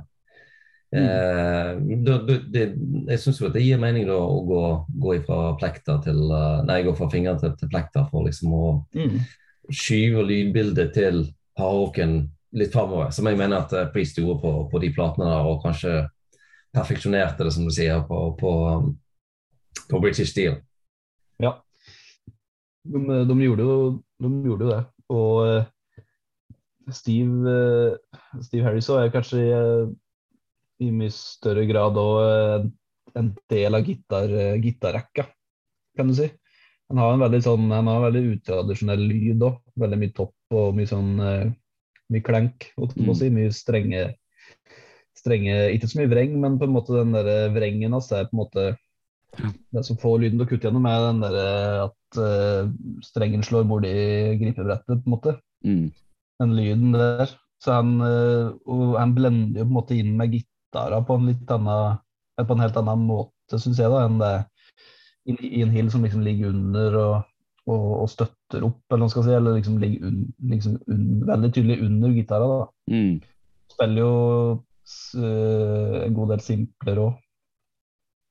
Uh, eh, jeg syns det er veldig in interessant det derre for, for, det er jo Steve det er Steve Harris uh, har alltid vært en veldig sånn, stor inspirasjon hos meg, både som bassist og bandleder. og det som du sier, Tarjei, at han det er jo når du, og Spesielt når du begynner å spille bass, så er det, legger du, du legger veldig merke til bassgangen der. Shit, det mm. her er Jeg, husker, jeg, jeg syns jo når jeg var uh, yngre, så syns jeg sånn Inhill synes Inhill var veldig kjedelig bassist. Sånn, spiller jo så kjedelig. Mm. Og, og Steve Harris var det beste som, som var i hele verden, på en måte. Mm. Jeg ville jo, som du sa, jeg ville mye heller jeg satt og spilte mye mer til uh, Maiden enn Priest sånn sett. Og når jeg spilte til Priest, så begynte jeg å finne på liksom, vanskeligere i hermeting. Masse ganger og slikt, for liksom, det var så kjedelig. Men, uh, ja. men jeg har jo jeg, blitt litt eldre og litt mer uh, erfaren, så har jeg jo forstått det at det er jo ikke nødvendigvis så lett å spille sånn som min Hill gjør. Nei. Å få til den uh, gruven og det, at det svinger sånn, og spesielt med Dave Holm, syns jeg. Ja. Men nå for så vidt med Les Binks òg, at det, å liksom få til det gynget der, da. Det er jo utrolig, utrolig vanskelig. Og det er jo noe Sjøl om jeg må nok Steve Harris vil jo alltid ha en veldig spesiell stjerne hos meg, så er det jo Ian Hill får jo til noe som Steve Harris eh, ikke får til, på et vis. Det, jeg synes eh, når jeg har hørt eh, Det, finnes, det er artig å høre på apropos sånne bass- og trommespor. Det ligger noe av det på, på YouTube. Blant annet 'Riding on the Wind' fra 'Screaming' med bass og trommer. Og det svinger bare så vanvittig bra. Da. Og det er så mm. tight. Mm. Og når jeg hører på 'Where Eagles Dare' eller et eller annet Maiden etterpå, så er det ganske slarkete i forhold. Da. Selv om det er jo, selv om det er jo vanvittig tøft. Det er jo så Det er, helt, det er jo grisetøft med Maiden. Misforstå meg rett, men, eh, men, det er noe annet. Og det er ikke rent sånn der, det er mye tightere, da, det er Priest uh, driver med. Ja.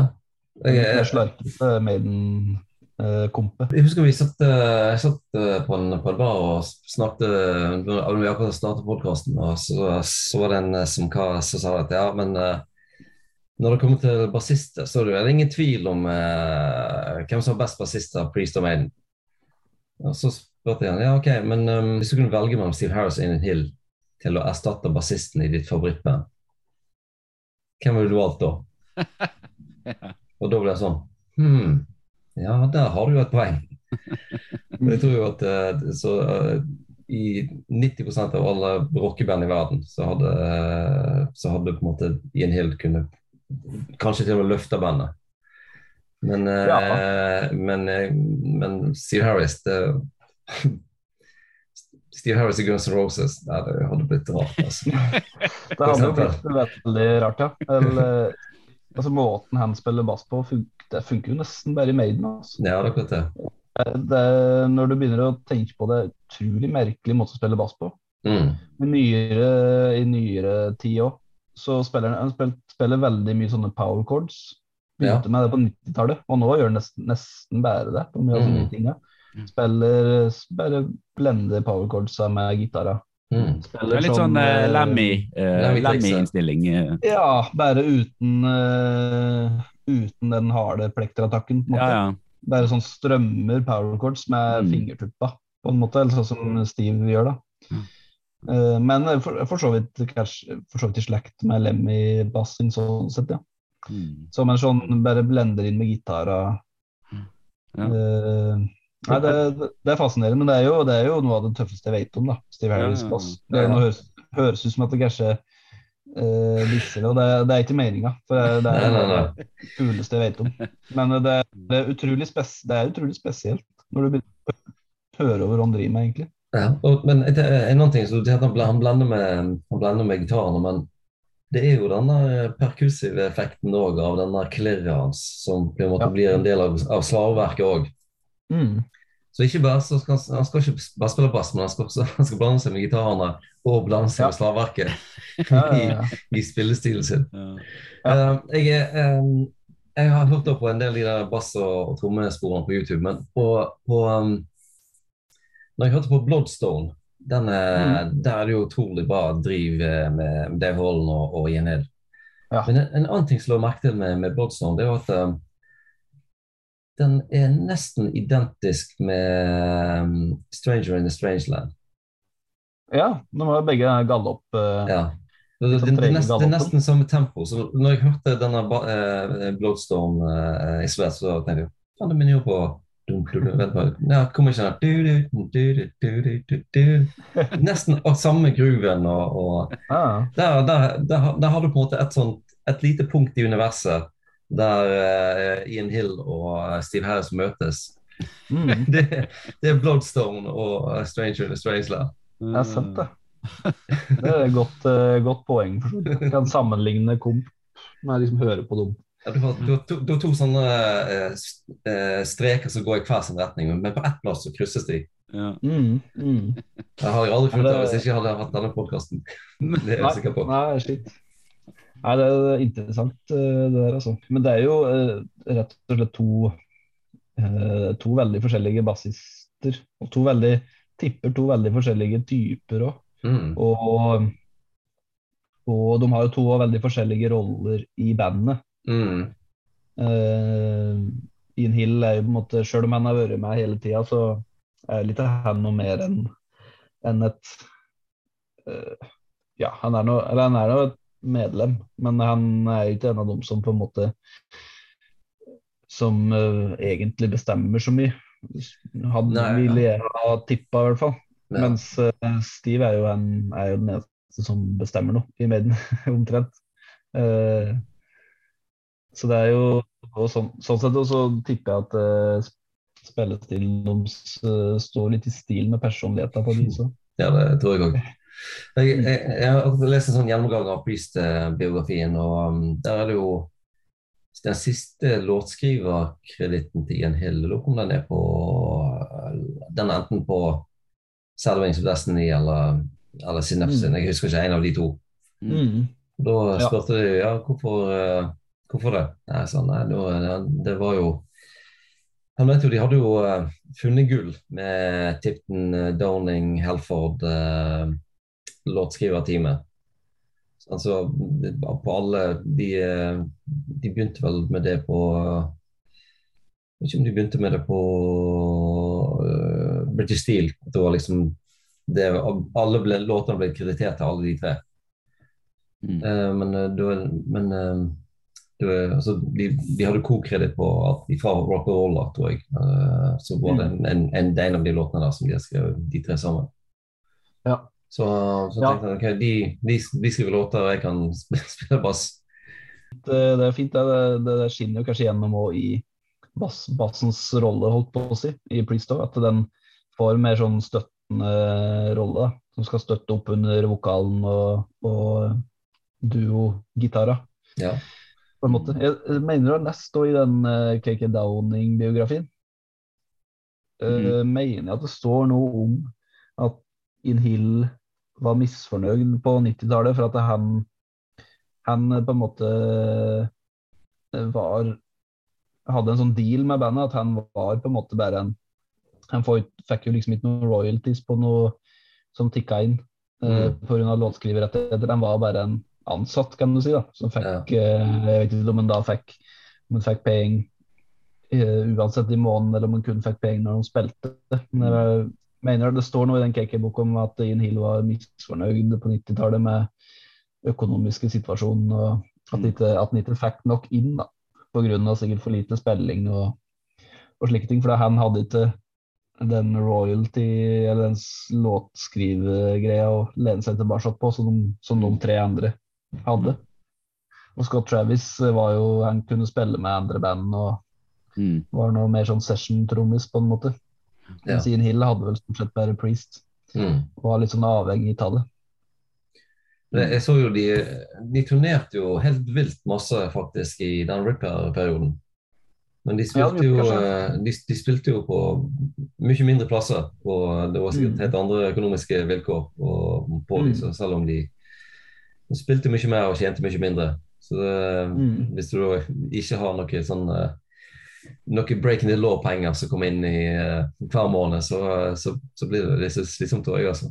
Mm. Ja, det kan bli litt slitsomt. Og så hadde de, de hadde vel noen år eh, der de var helt inaktive òg, kanskje. Fra Ja, det. liksom Painkiller og til Juglator. For Juglator er ganske seint på 90, er det ikke? det? Jo 96 96 og 7 eller noe sånt, kanskje. ja, Ja. Så da er de jo 6-7 år, da. Der. Ja. Mm. Um, Så det, så det er noe, var bare noe sånn uh, beit meg merke i det, i hvert fall i den KK-boka. mm. Så kan det jo sikkert òg mye som uh, Ja, jeg vet jo ikke åssen uh, hva som er sendt eh, og ikke sendt. Jeg har nå lest både KK og Rob-boka. De er nå litt forskjellige, i hvert fall. Det står ikke så mye der som krasjer direkte, kanskje, men, men eh, litt forskjellige perspektiver på ting. Da. Ja, det, det jo det, også. Det er, Um, vi får se om vi kan nærme oss en konklusjon, men har du noen, Ja. uh, har du noen låter med favorittbassing? Med, altså, hva er det ja, hva er, det, hva er den kuleste bassingen til Ian Hill, og hva er den kuleste bassingen til, eh, til, til Harris? Nå, er det jo, nå var du jo inne på, på uh, Ratchild og, og, og de tingene der, da. Men eh, ja, jeg har noe jeg har eh, Når jeg kommer sånn umiddelbart på. Med Maiden, med Maiden så er det jo veldig mye sånn, Selv om det er kjempekul bassing eh, stort sett gjennom hele fjøla, så er det ofte sånn introting og slike ting som er sånn ekstra kult, syns jeg, da, med Maiden. Yeah. Steve Harris har jo en veldig mye kule sånne bassriff, bassmelodier, eller hva man skal kalle det. mm, Introting, du har jo den Wrathchild og så den Innocent Exile på Killers. Så. Den bassintroen det er helt enorm, syns jeg. Ja, det, og dette var Så før han brukte Dette var før han brukte to-tre minutter med sånn eh, slags fingerspillbass som nå går igjen på på nesten alle låtene, høres det ut som. eh, Ja, det har, har tatt, det- litt, eh, tatt litt av det. Tatt litt av, ja. Så jeg òg syns det Når det er litt disse korte, konsise som har liksom noe med låten å gjøre, det er tøffe ting. Ja. altså. Cla- Clairvoyant er jo en veldig sånn favoritt hos meg.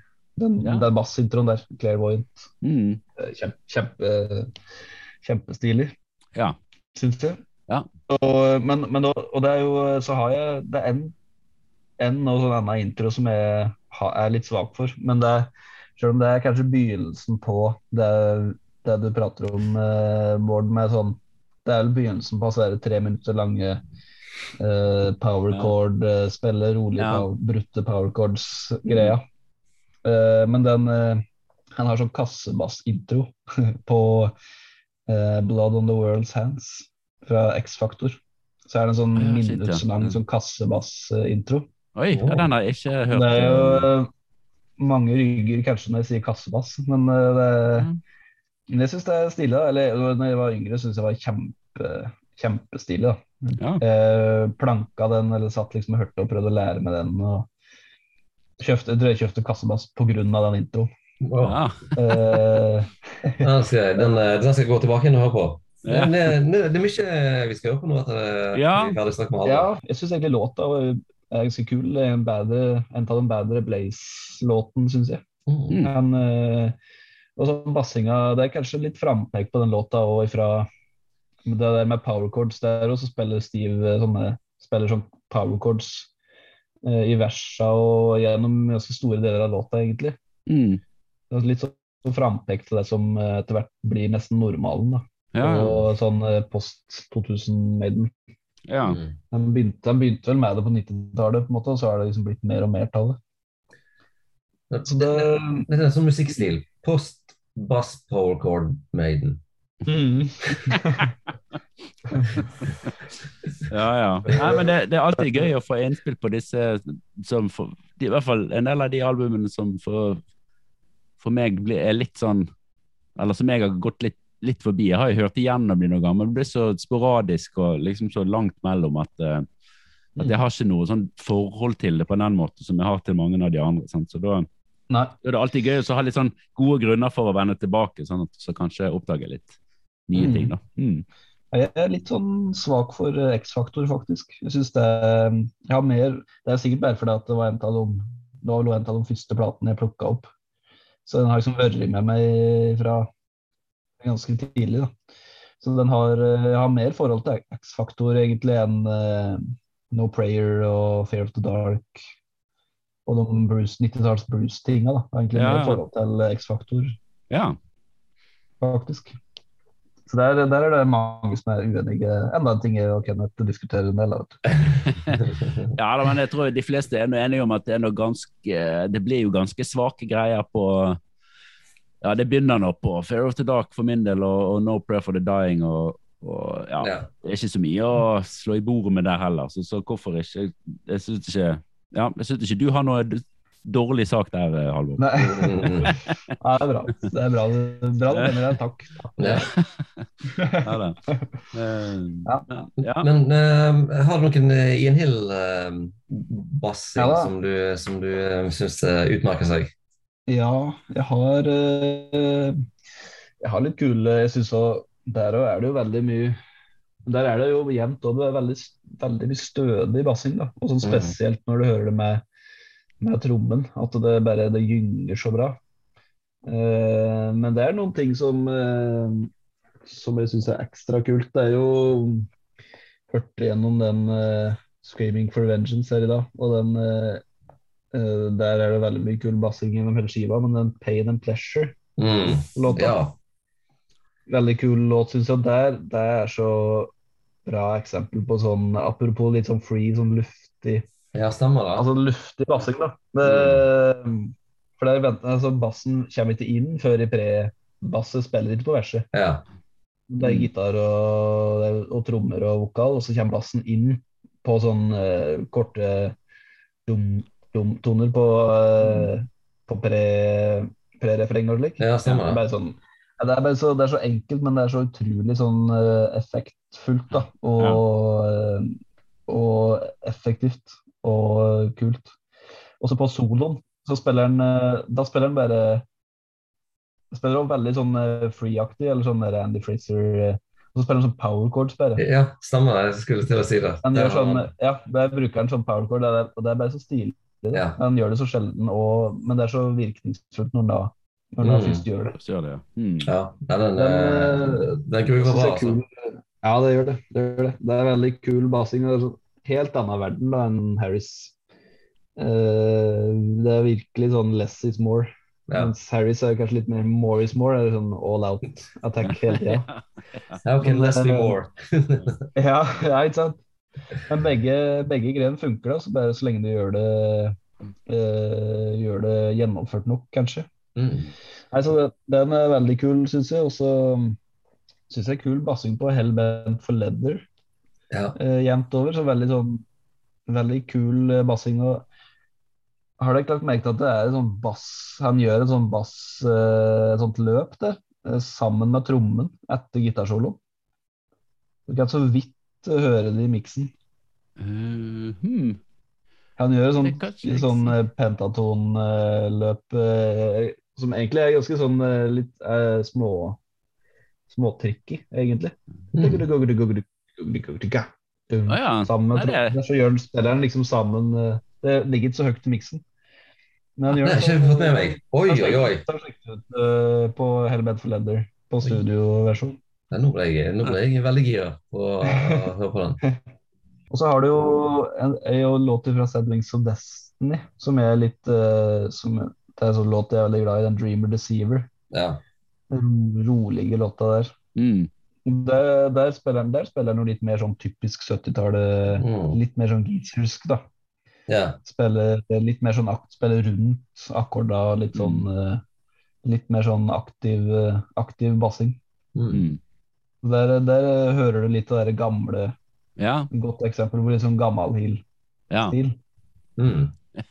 Du hører, hvis du hører på den, og så hører du på typ, ja, Pain and Pleasure eller Hellbed for Leather etterpå, så, så hører du at han har tatt noen aktive valg, kan du si. da. Det er ikke at han ikke får til å spille, spille på en måte rundt, men han, eh, han har gjort Han liksom gjør det Jeg har tatt noen valg der med spillestilen. Jeg bare tenkte Vi må kanskje må trykke opp noen T-skjorter med til Oslo til Tons der det står 'Gammal Hill-stil' på med store bokstaver. det er som jeg kunne gått med, i hvert fall med hodet hevet. Eh, Ja, det, det skulle jeg gjort, altså.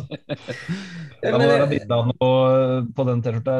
Bilde av to eh, pekefinger og langfinger. da. Ja, ja, ja. ja, Gammel. Hill. ja nå snakker ny, vi. ny Hill-T-skjorte er plekk. Ja. Ja. Det er internt. Ja, nå Ny snakker vi. hillist. Ja. Jeg er sånn nyhillist. Um, Halvard, går det an å Du skal jo egentlig dele ut et poeng eh, i eh, denne podkasten til um, hvem er den beste bassisten for dine penger i Priest eller, eller Maiden? Det, Ja, nei, Ja, nå er jeg spent sjøl her, altså. ja, det er jo altså det er jo, Nå har vi jo tala mye om at det er, veld, det er jo veldig forskjellige to veldig forskjellige bassister som begge gjør tinga sine veldig bra, syns jeg. Uh, men, eh, men det, og det, ja, jeg har, vel, jeg har liksom fått mer og mer øva opp da, eh, for Ian Hill. Uh, og blir mer og mer inspirert, sånn som i Spider-God, så uh, blir mer og mer inspirert av på en måte, hans måte, den typen uh, basspill. da. Mm. Eh, I band som Spider-God og slik, så blir jeg veldig Så blir jeg mer og mer inspirert av han eh, og bassister som han, i, eh, i, kanskje spesielt i Spider-God. Um, men eh, når det kommer til stykket, så er det Steve Harris som må få poeng fra meg. Ja. Eh, det er for mye historie mellom meg og Steve til at jeg kan eh, ja, Han har på en måte vært Han har liksom vært helt oppe der fra starten. Ja. Ikke bare som bassist, men som bandleder og alt. Det er på en måte låtskriver og Det har Mm. liksom vært komplett inspirasjon. ja, det er den, eh, jeg ser jo den, altså. Vi har jo sammenlignet liksom, eh, tema, for tema, mange forskjellige ting. Men jeg tror jo kanskje bass og tromme er jo det som de to bandene skiller seg mest, egentlig. Mm. For selv om eh, sånt, eh, Bruce og Rob er jo veldig forskjellige vokalister, men de er jo litt sånn i det operatiske leie, begge to, med høye toner og sånne ting. Og gitarene har jo litt sånn Iallfall mer lik angrepsvinkel på det å, å spille i band. Eh, I de to bandene enn en bassistene, som er på en måte nesten diametralt forskjell- forskjellige.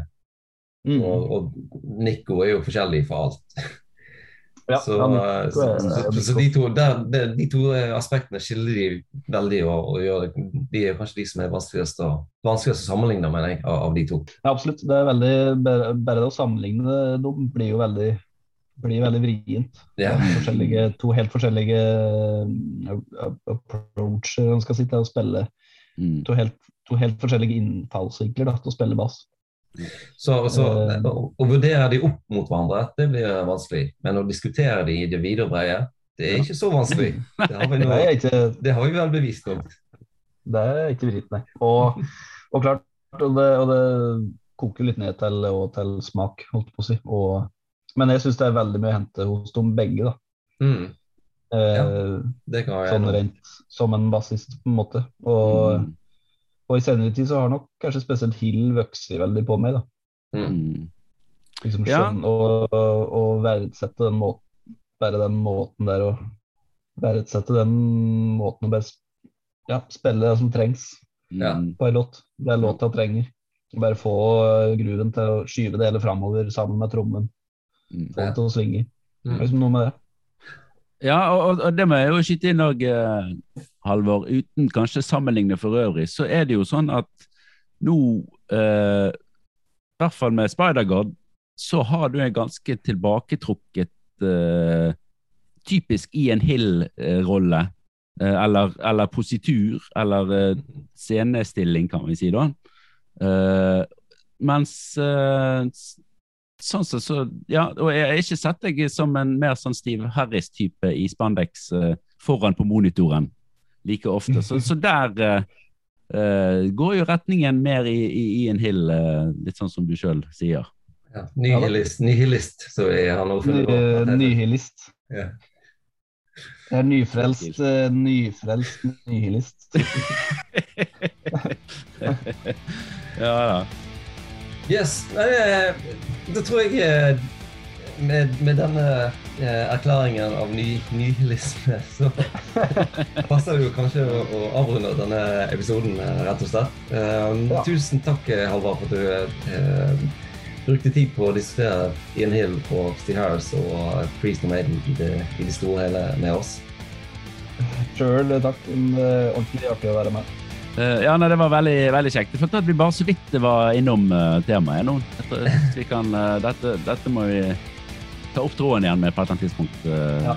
kjennes det ja. ut som. det er sant, det. ja. Yes, ja, ja, ja. Neste gang vi, I hvert fall neste gang vi møtes på, på stereo, er det det heter nå? Ja, ja. Mm. Da må du i hvert fall plukke opp tråden da. Ja, ikke sant. Det er sant. Og, uh, kanskje på Tons og Våk. Ikke sant? Mm. Nei, da må vi òg takke alle lytterne våre som har, som har hengt med oss så lenge og henger med oss uke etter uke. Vi håper det er et par igjen. Håper det er et par igjen. Bare sende sinte meldinger de som eh, var uenige om at Ian Hill ikke var den beste bassisten.